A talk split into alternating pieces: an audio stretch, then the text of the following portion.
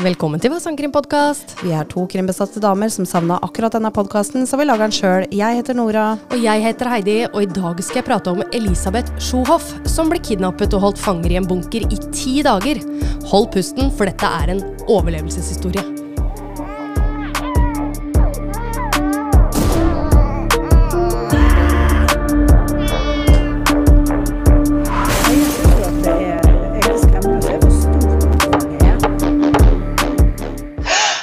Hei, Nora. Hei, Heidi. Jeg måtte le. Jeg hørte du bare pling! Ja, jeg hørte det sjøl.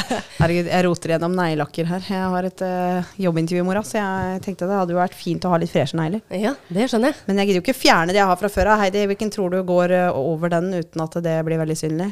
Mm, jeg tror begge to. Jeg tror de er ganske pigmenterte. Men jeg ville nok gått for den, ja. Den? Mm, Ja, da går vi for den. Takk. det er jo bare hyggelig. Ja, Heidi. Ja, det her er spennende nå. Vi sitter her faktisk eh, noen timer, for vi Det har har vi. driver jo også lasta ned en ny eh, sånn redigeringsprogram. Ja, nå skal vi proffe det opp litt og Ja. prøve å se om vi kan uh, mestre noe annet enn det gratisprogrammet vi har brukt. Jepp. Eh, hvis vi kan mestre et profesjonelt verktøy, så er jo det noe vi kan skrive på CV-en, og det er jo gunstig for oss begge, det. Eh, ja, Ja. de sier så. De sier Ja. så. Nå fikk jeg opp noen greier. Herregud, den PC-en min den lever på siste verset, tror jeg. Det, det er så mye dritt innpå han at han bruker vinter og vår. Ja, ja hva, hvilken episode var dette her? 95? Ja, det var vel noe sånt nå. Ja. Herregud, det er helt Det er, sjukt. det, er, det er veldig mange timer. Ja. Det, er, det er faktisk ikke mange ukene til, Nora, at vi kan juble over 100 episoder. Nei, fy fader, Heidi. Det Det klaffer jo nesten med toårsjubileet vårt. Ja, det gjør det.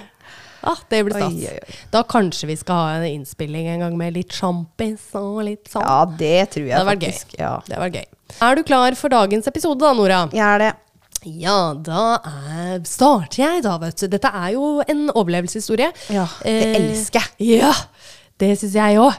Så ja, selv om eh, det er jo selvfølgelig fæle ting vi prater om, men eh, jeg mener at alle kan høre på den eh, saken her. Mm. I en liten by i Sør-California, altså da et sted som heter Lughoff Lughoff. Det Ja. hørtes ikke veldig amerikansk ut. Nei, Men ok. det helt enig. Aldri hørt om det før. Samme det. Der bor i hvert fall 14 år gamle Elisabeth med sin familie.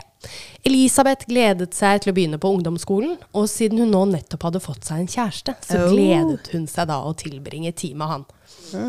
Det er 6. september 2006, og klokken har blitt ca. halv fem på ettermiddagen. Moren til Elisabeth, som heter Medeline, er på jobb og begynner å bli bekymret at datteren ikke har ringt etter skolen. Når hun ringer hjem, er, sønnen, er det sønnen som tar telefonen, og han sier at Elisabeth ikke har kommet hjem. Medeline blir nå så bekymret at hun reiser rett hjem, hvor hun da ringer rundt til vennene hennes for å se om de har sett henne. Faren til Elisabeth, som heter Don, kommer nå også hjem, og sammen leter de rundt på eiendommen, samt ser etter tegn til hvor hun da kan være. Alt var som det skulle, og det var ikke noe tegn til at hun hadde rømt hjemmefra. Ikke det at hun var den type jente, for det var hun ikke nei. i det hele tatt.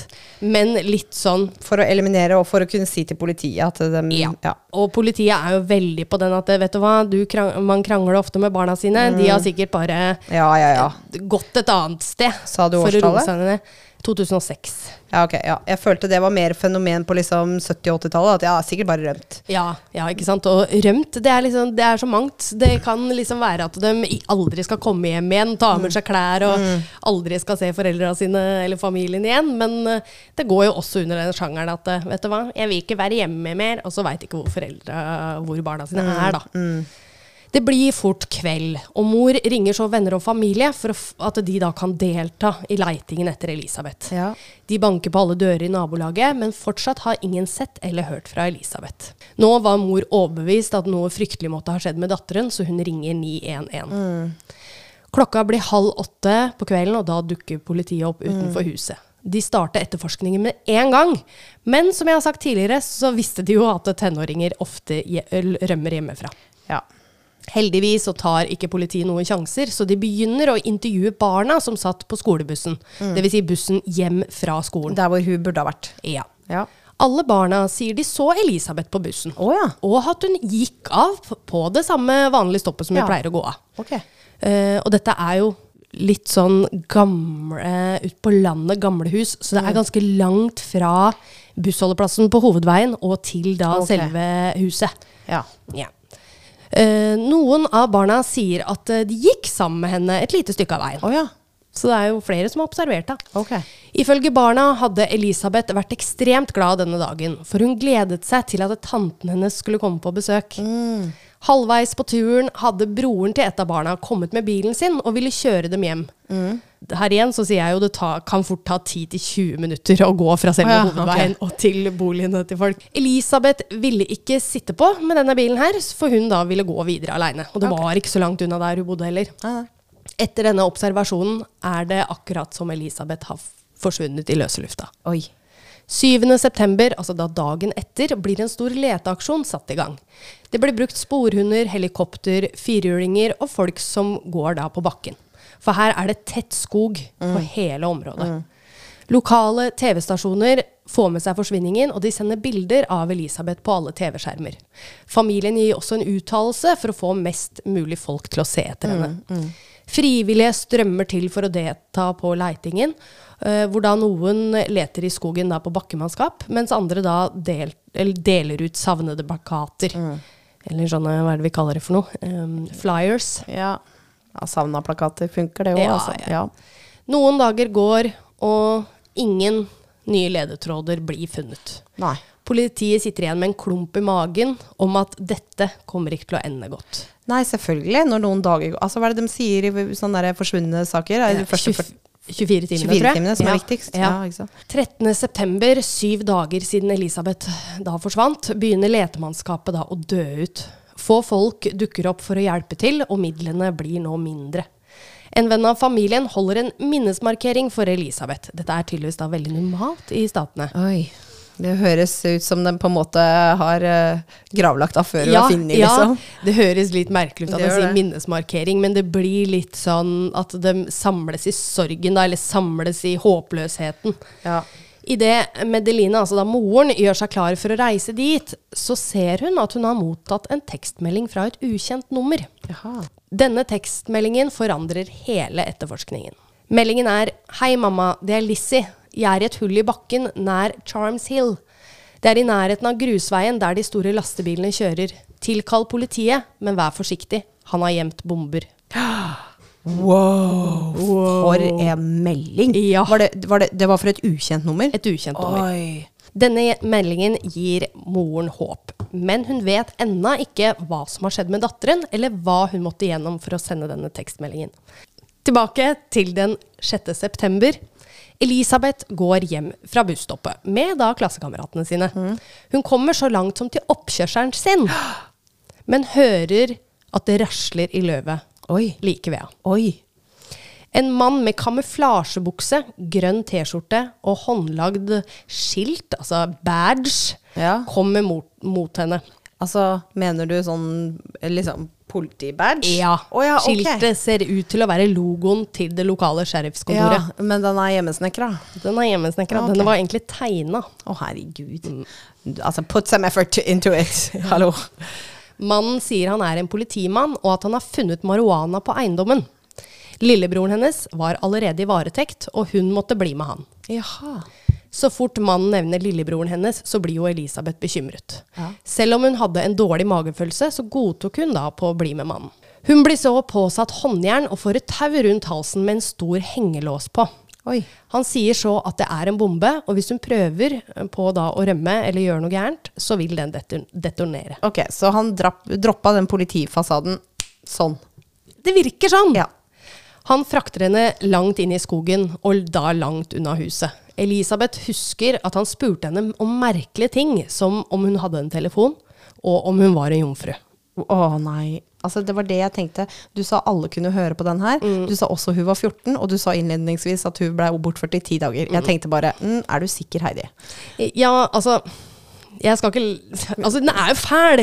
Selvfølgelig. Og det er, det er små barn, det her. Det, Ja. ja. Men altså, for, den er jo fæl, lyt- lytterne våre liker jo liker true crime. Ja. Du, også når vi spilte inn live, hun ene, det var vel en venninne av deg, Ja, tror jeg, ja, ja. hun savna blod og gørr. Ja, savna blod og gørr. Ja.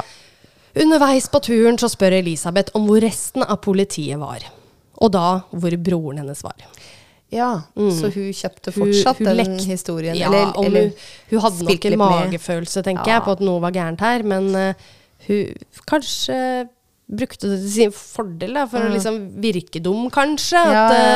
eh, Hei, hei, hvor er resten av politiet? Og kanskje han ombestemte seg underveis, ikke sant? Det kan, ja, ikke sant? ja, Mm. for det, det er egentlig ganske smart. For da kan han droppe hele opplegget Mm-hmm. uh, i tro om at hun ikke mistenker noe. Ja, Ikke nettopp, nettopp. Smart. I svar så får hun da Du er vel smart nok nå til å skjønne tegninga. Det er lov å prøve seg, det Ja. det? Elisabeth begynner så å gråte og trygler om livet sitt. For nå skjønner hun at ok, nå den fasaden hjalp tydeligvis ikke. Plutselig så stopper de da midt i skogen, og Elisabeth frykter nå det verste. At det, det er her. Det er her jeg skal dø. Ja. Mannen bøyer seg sånn ned og tar tak i en luke som er gjemt under masse løvblader. Det er noe med deg og disse høla i bakken. Ja, jeg veit det. Han ber så Elisabeth om å klatre ned stigen og inn i bunkeren. Inne i bunkeren ser hun våpen, håndjern og elektrosjokkpistoler. Og hun skjønner nå at mannen har mer enn nok av utstyr til å skade henne hvis hun oppfører seg da feil i hans Hvis han vil, så uh, Ja, så Ja. er det ute med henne. Ja. Det tok ikke lang tid før de ankom bunkeren, til da Elisabeth blir voldtatt. Hun eh, husker jo godt da at hun så bort når dette her skjedde, og at hun så på noe oppvask som var der da mens hun gråt.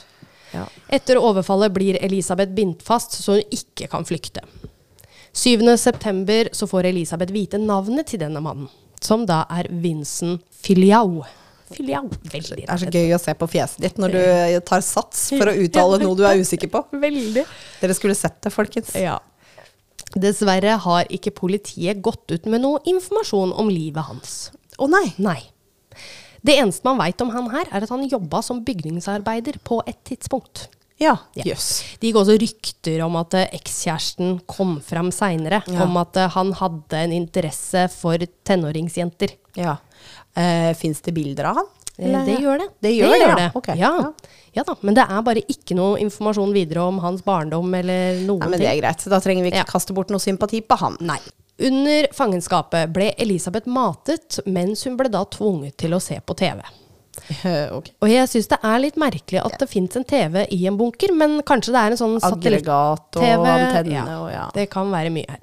Her ser Elisabeth sin egen mor trygle om hjelp, noe da som minner henne på den siste samtalen de hadde sammen. Mm. Elisabeth hadde vært sint på moren sin den dagen hun ble tatt, og nå angrer hun bittert på de siste ordene hun hadde utvekslet med moren. Hun husker ikke helt hva, men hun husker at hun var frekk. Ja. Hver dag så var historien til Elisabeth på TV, noe som ga henne et overlevelsesinstinkt. Hun skulle ikke gi opp. Nei.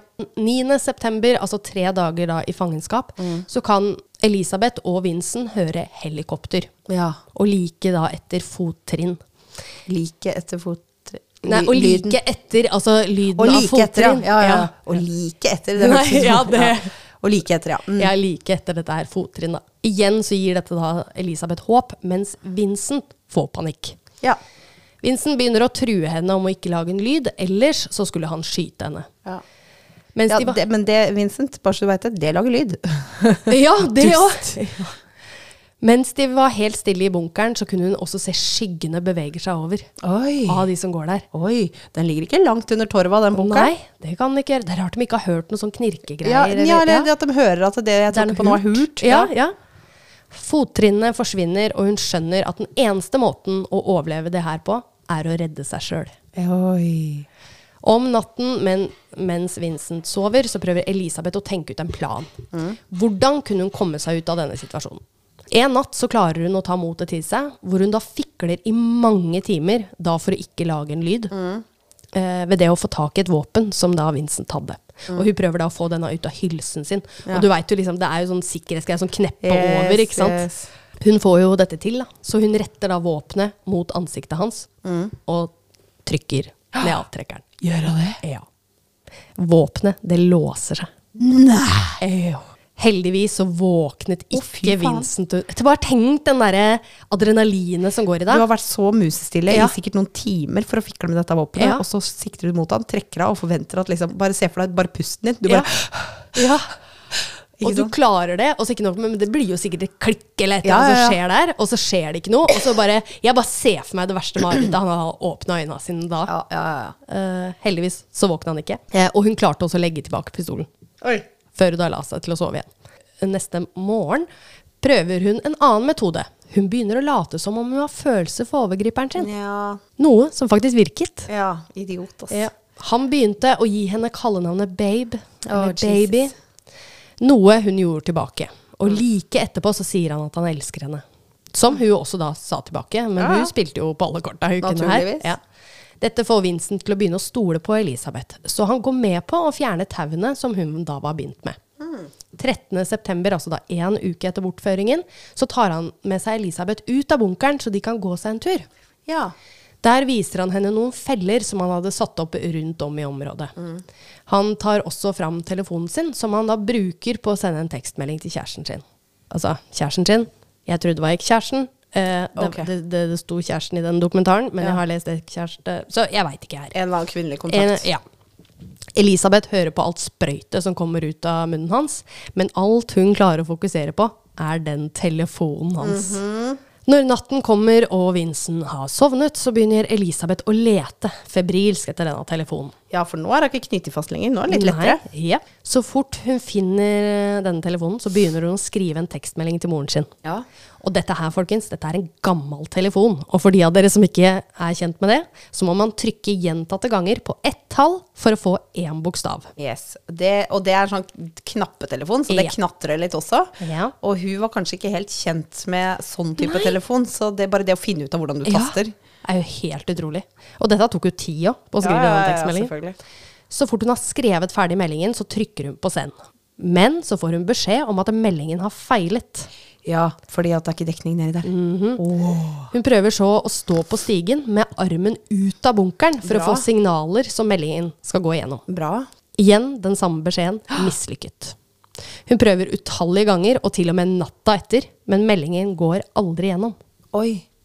15.9., ni dager etter bortføringen, så hører de helikopter over bunkeren igjen. Ja.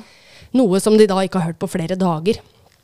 Igjen så får Vincent panikk og lurer på hvorfor de ikke har gitt opp med å leite. Han skrur så på nyhetene hvor han ser at Medelin, altså da moren, har fått en tekstmelding av datteren. Oi. Elisabeth får med seg dette og blir med en gang livredd. Vincent spurte så om har du sendt en tekstmelding, hvor Elisabeth begynner å gråte og sier nei, hun elsker han jo, og hun ville jo aldri gjort dette Nei, mot ham. naturligvis. Ja. Ja. Vincent prøver å samle tankene sine og spør Elisabeth om hva hun mener han burde gjøre. Jaha. Skulle han begynne å pakke tingene sine og reise, eller skulle de vente du ut og se? Mm.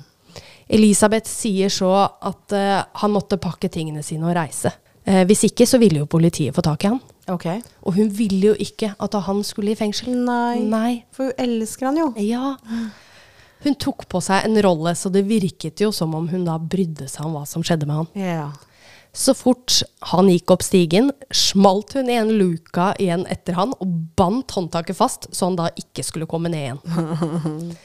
Elisabeth er nå alene i bunkeren, og hun tør ikke å risikere noe ved da å reise med en gang. Nei, det skjønner jeg. For hun, i tilfelle så kunne jo han ha lurt da, og stått på utsida og venta. Ja, ja, ja. Ja. kunne ha stått der bare hele tida? Yes. Neste morgen, 16.9., så våkner hun opp og ser at hun fortsatt er aleine i bunkeren. Nå kaster hun ikke bort et sekund og klatrer ut av bunkeren. Så fort hun kommer seg på utsiden, så kommer tanken om fellene tilbake. Hva hvis han har lagt ut, om han har lagt ut miner? Han har jo trua om, om bombe før. Dette forhindret henne da i å løpe vekk fra stedet. Hun tar inn over seg den flotte naturen og puster inn den friske luften. Og hun hører jo ingenting rundt seg, men hun begynner nå å rope om hjelp. Eller skrike. Plutselig så er det noen som roper navnet hennes tilbake. Oi. En betjent kommer så bort til henne og klemmer Elisabeth hardt og sier at du er nå trygg. Så blir hun da båret til hovedbasen, hvor en ambulanse da står og venter. Og det, det her er det sjukeste. Før de da kommer til denne basen her, så sier Elisabeth sett meg ned, jeg vil gå ut av det her sjøl, på egne bein.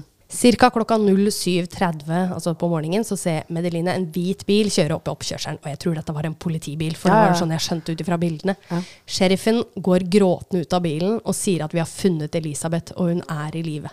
Åh. Elisabeth sier selv at den beste følelsen i verden var da hun kunne gi foreldrene sine en klem igjen. Ja. Elisabeth er jo nå reddet, men Vincent er jo Ja. fortsatt på rømmen. Ja. Et par timer etter at nyhetene kom ut om at Elisabeth var funnet, så fikk politiet inn et tips. Ja. En kvinne hadde støtt på Vincent da han hadde prøvd å stjåle bilen hennes. Oh. Og ifølge denne kvinnen hadde Vincent et belte med en stor kniv i. Og hun eh, gjenkjente jo han med en gang når hun så ansiktet hans, og begynte da å skjelle han ut. Oh, ja. Og så blei jeg forbanna, for hun bare Herregud, du har bortført den ene. Da står jeg med mitt eget barn. For hun hadde jo ungen Ja, sin her ja, i tillegg. Og allikevel så eh, bråkjekk at hun bare skjelte den ut. Ja. Fy fader, så fett. Det er dritkult. Han skjønte fort at kvinnen ikke ville gi fra seg bilnøklene, så han begynte å løpe vekk fra stedet. Politiet handler raskt og klarer å lokalisere og da arresterer han, kun et par timer etterpå. Oi. Han høres ut som en idiot. Ja, han er virkelig en idiot. Det tok ca. Vincent ett minutt før Uh, Altså etter han ble arrestert, da. Mm. Før han da nektet for alt. Og mente at sannheten ville komme fram til slutt. Jaha. Timer før rettssaken så godtok Vincent å bli intervjuet av Keith Morris, som da er en journalist i NBC. Og her er litt av klippet. It's all gonna come out in court anyway. Uh, Elizabeth, uh, she's, I don't know how to say it, she's uh, pretty much a wild person.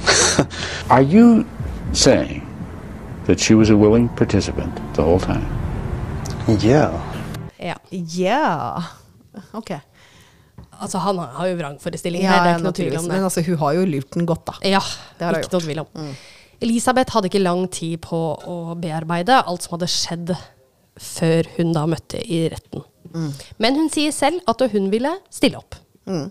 Hun sier det var en rar opplevelse, fordi hun var glad over å se mannen da. Hun, altså, hun var sikker. Han kommer aldri ut igjen. Han blir bura inne. Vincent sa seg skyldig på tiltalepunktene, og forsvareren mente at klienten hans led av paranoia, vrangforestillinger og at han da var alkoholiker. Vincent ble dømt til 421 års fengsel What? uten mulighet for Dette var i prøveløslatelse. California? Eh, ja. Faen, de kødder ikke der, ass. Nei. Altså, Shit. altså det, det, er jo helt sjukt, den fengselsstraffen han Eh, fikk. ja. Men dommeren sa det, og det her er det verste jeg har hørt i min tid som dommer. Og det, det her er på lik linje som drap, sa han. Wow. Så jeg tror det var derfor han fikk såpass wow. høy ja. Den dommeren har barn, det kan jeg garantere deg. ja. ja. Eller barnebarn. Ja.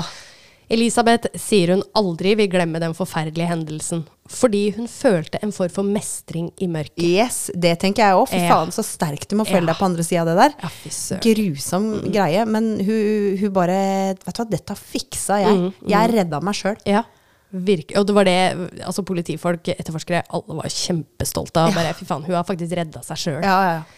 I voksen alder så har Elisabeth blitt mamma til en gutt, og hun da lever livet fullt ut. Det sies at moren til Vincent, som da heter Ginger Cobb, ble arrestert for å ha hjulpet sønnen sin mens han da var på flukt. Wow. Det vil si med forsyninger. Hun sier selv at hun aldri hadde kontakt med sønnen, men telefonen hennes sier noe annet. Ja, ikke sant. 3. mai 2021 så døde Vincent i fengsel i en alder av 51 år. Ja. Dødsårsaken er ikke kjent, men ifølge aviser så er det ikke tegn til at han ble drept av andre innsatte. Nei, men det kunne jo veldig godt hende, ikke sant. Mm. Ja, ja. Du veit hva de gjør med pedoer i fengsel, spesielt kanskje i USA. ja. Det liker jeg. Ja, ja altså Er ærlig, ærlig talt. Ja, Ja. jeg òg liker Ja. det. Det er klart det er veldig mange triste skjebner, og veldig Ja. mange som, har, eh, som begår overgrep, som sjøl har opplevd det i ung Mm. alder, og man blir helt sånn fucka i huset sitt. Men eh, det, det fins ingen unnskyldning. Nei, nei, jeg er helt enig. Det er enig. noe som er så fundamentalt i alle oss mennesker, at vi skal beskytte barn. Ja. ja, jeg er helt enig. Og det å ikke gjøre det, det er ingen unnskyldning. Nei, det må være forferdelig hvis du er feilaktig dømt, da. Jo, jo, blir- jo, jo. Altså, om du ikke blir drept, men altså, i hvert fall du får juling, og du skal ikke leve trygt i fengsel. At du får den følelsen at du må se deg bak eh, for Mm, hver meter du går. Det syns jeg de kan få lov til å leve med. Ja. Ja.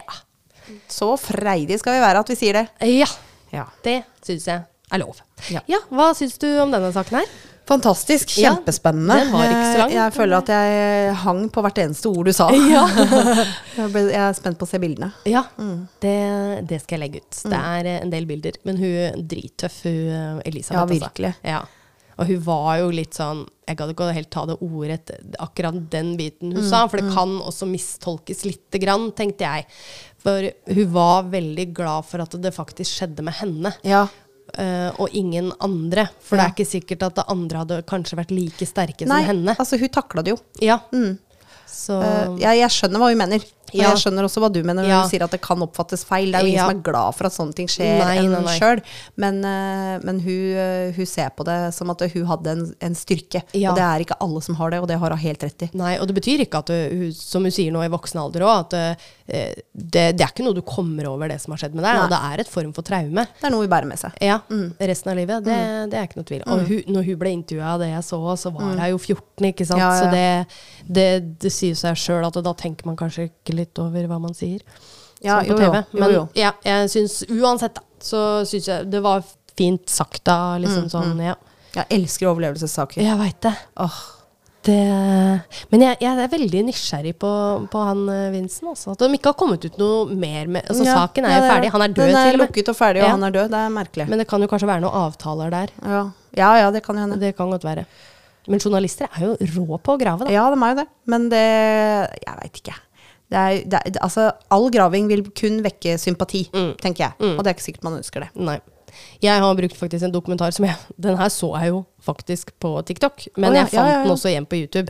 Eh, for det er veldig lite om den informasjonen her, men jeg syns den var veldig viktig. Og Mm. jeg, jeg syns det var litt gøy med en litt sånn overlevelseshistorie. Ja, kult å se hva sjøl en 14-åring kan Ja. eh, ha styrken til å gjøre. Skulle nesten tro hun var litt sånn crime junkie. Mm, eh, Ja, hun var god, Og tenk å være så smart òg, og bare Ok, greit. Jeg skjønner kanskje at du tenker at eh, ok, jeg må bruke pistolen eller telefonen, Ja, men bare ja. den gutsen det har til å gjøre det hun gjorde. Jeg, jeg, jeg tenkte på det når du fortalte, Mm. at uh, liksom han bare Ja, skal vi vente ut, eller Mm. må jeg pakke tinga mine og dra? Da tenkte jeg at om jeg hadde Jeg, jeg hadde allerede klart et svar Mm. ved hva jeg hadde gjort, og jeg hadde jo bedt han vente. Fordi jeg tenker at da kan politiet finne begge to. Ja. Uh, jeg hadde ikke engang tenkt tanken på at jeg hadde vært trygg hvis han hadde gått. Ikke det hele tatt. Ikke sant? Men det var akkurat Det var jo dritsmart at hun gjorde det. Og jeg hadde ikke tenkt på det. Nei. Jeg er, eh, jeg er 35, liksom. Ja. Hun var 14. Ja. Shit, eller, eller bare det å nevne, eller klare å spille på den at uh, du plutselig da har følelser for overgriperen din. Ja, ja. Og på ti dager, at han ble lurt på ti dager òg. Ja, ja. Vanligvis så kan dette ta år Han sa han for elska henne etter liksom tre dager. Det Ja. er jo wow. Du kan prøve å få Hvis det er Altså jeg veit ikke om jeg har sett det her på TV, eller hva det er for noe. Men det har jo vært masseskytinger eller noe sånt nå på skoler. At, eh, s- at hvis du, du nevner mye om deg sjøl, da, eh, så kan det at de får sympati for deg og ikke dreper deg. Ja. Det er sant. Det, Mm. opplever, det, det leser vi jo ofte at eh, man, man eh, at eh, den som på en måte er kidnappa, eller hva det skulle være, Mm. da begynner å fortelle masse om seg sjøl, i håp om å vekke noe slags Slags sympati. sympati, ja. Sånne folk er ofte Ja, det- De har ofte null medmenneskelighet, men det er jo verdt et forsøk. Ja, det er jo det. Tenker jeg. Spiller på de korta man kan. Du, eh, når vi hadde liveinnspilling, så blei vi spurt om vårt eh, livs første autograf. Ja, det gjorde vi! Det var veldig stas for oss. Det var det. Og hun eh, som eh, spurte oss om det, hun var en, eh, en veldig interessant person. Mhm. Og hun hadde en veldig, veldig interessant historie, syns vi. Ja. Som ikke vi uh, trenger kanskje å utbrodere og dele med alle. Nei. Men uh, det en, hele endte jo med at du inviterte henne på innspilling. Ja. Det gjorde du. Ja. Så da gjør vi jo sikkert det. Ja. Eh, og da tenker jeg kanskje neste gang vi spiller inn, Ja. så plutselig så kan det hende at det er eh, tre stemmer her. ja. Eh, det blir spennende. Det blir veldig spennende. Ja. Det er gøy. Det er gøy. Og hun er stor fan, da. Ja. Ja. Og det syns jo vi er veldig Ja, hyggelig. det er veldig, veldig hyggelig. Vi er bare velkommen Det inn i livet vårt. Ja! og det syns jeg er så gøy, fordi da Jeg tror kanskje folk får litt sjokk hvor åpne vi faktisk er. Og det er ikke bare på poden her, men i virkeligheten. Ja, ja, ja, ja. Vi er sånn 'kom til oss, prat med oss'! Gud, Du, hun der ene som sendte oss melding, uh, hun har jeg på Snapchat nå. Ja, ikke sant? Uh, Halla, Trine.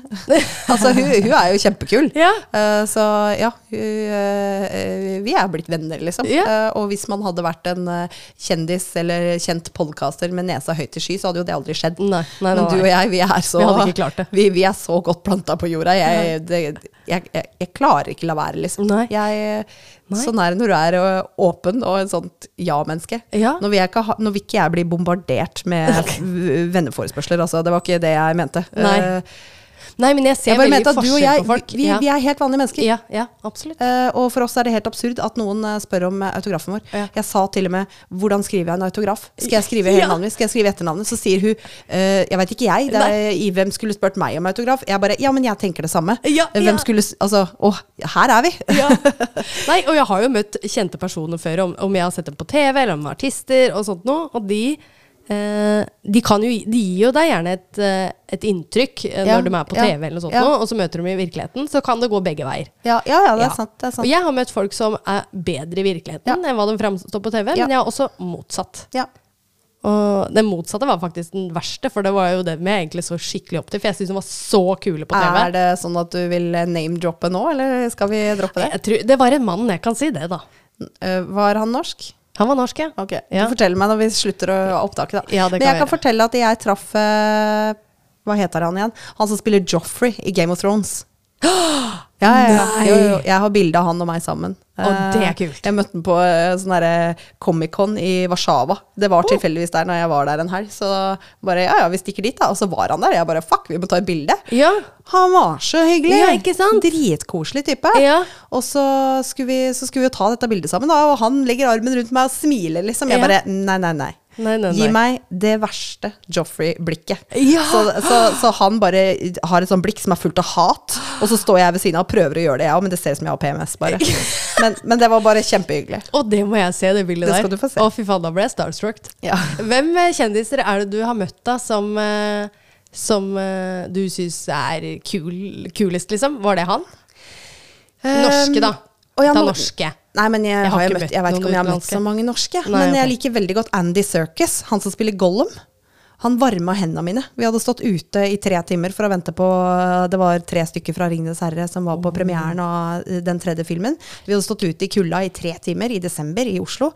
Og så uh, kommer han rundt og skulle gi meg autografen sin. Så kom han borti handa mi, så tok han begge hendene mine i sine og varma meg og sa 'Oh no, you're so cold'. Jeg bare 'I know'. I've been waiting for three hours. Jeg hadde ikke vaska hendene mine. Nei. Det var kjempekoselig. Jeg har ikke møtt noen, jeg. Utenlandske eh, artister, tror jeg, eller eh, kjendiser i det hele tatt. Jeg har ikke sett dem engang. Ja, jo, jeg har vært på konserter, da, men ja. Men du kjenner Nora, da, Norges kjente podkaster. Ja, det, det er sant. sant. Word. Word. Ja. Du, jeg må hente i barnehagen. Ja, det skal, skal du få lov til å gjøre. Ja, vi snakkes, Vi snakkes om en uke. Ha det, folkens. Ha det.